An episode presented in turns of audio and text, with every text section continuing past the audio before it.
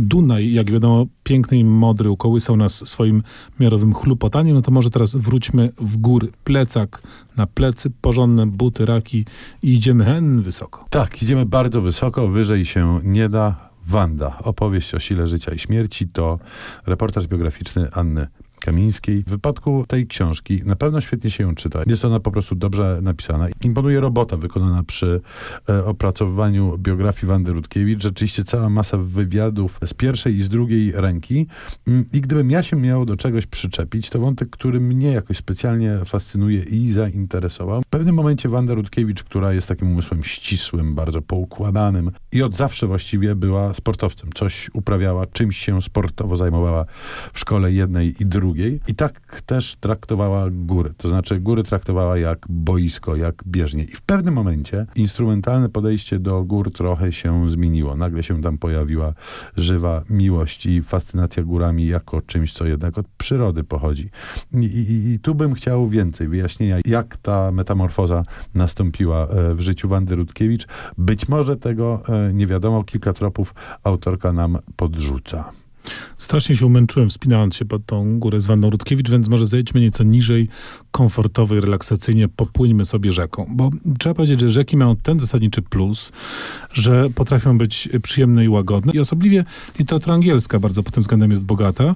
To bierze się poniekąd stąd, że gdzieś tam w latach 70. XIX wieku przestano używać rzek jako środka transportu, no bo kolej była pod tym względem lepsza i y, eleganccy Brytyjczycy i eleganckie Brytyjki wsiedli na różnego rodzaju łódeczki, zaczęli sobie pływać, rozmawiać, bawić się dobrze i sypnęło w związku z tym literaturą całkiem ciekawą. Wspomnijmy choćby, że Alicja w Krainie Czarów przecież też na łódce została poczęta ale nie o Alicji tu mowa, tylko chyba najpiękniejszej i najbardziej znanej książce rzeczno-relaksacyjno-turystyczno-piknikowej chciałbym wspomnieć, czyli o trzech panach w łódce, nie licząc psa, niejakiego Jerome K. Jerome.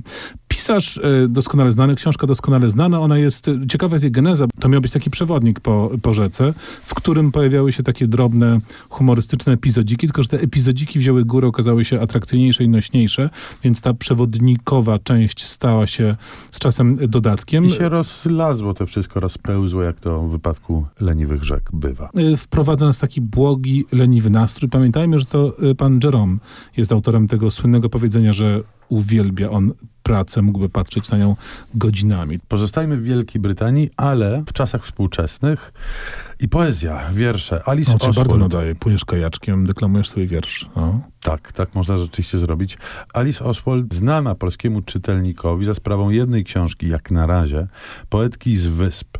Ona się w tej antologii pojawia w tłumaczeniu Magdy Heidel i pojawiają się fragmenty z jej tomiku pod tytułem Dart. Dart to jest nazwa rzeki w hrabstwie Devon. Napisała też inną książkę, e, A Sleep Walk on Severn, czyli chodzenie przez sen nad rzeką Severn. Mm, jednym słowem jest poetką, no, którą rzeki uwodzą. Bardzo Te dorzeczną poetką. Tak, bardzo jest dorzeczna. Fragmenty, e, fragmenty z tego tomiku Dart, nad którą zresztą mieszkała Agata e, Christie i literackich pewnie koneksji tu można by szukać więcej.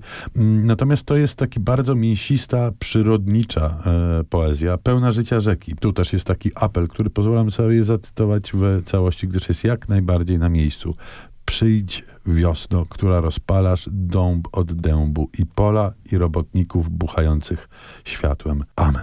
Gdyśmy się rozmarzyli, żeby utrzymać stan rozmarzenia, niech nam pośpiewa naprawdę budząca mm, różnego rodzaju inspiracyjne myśli Audrey Hepburn. I to oczywiście Moon River, jak żeby inaczej z filmu Śniadanie u Tiffany'ego.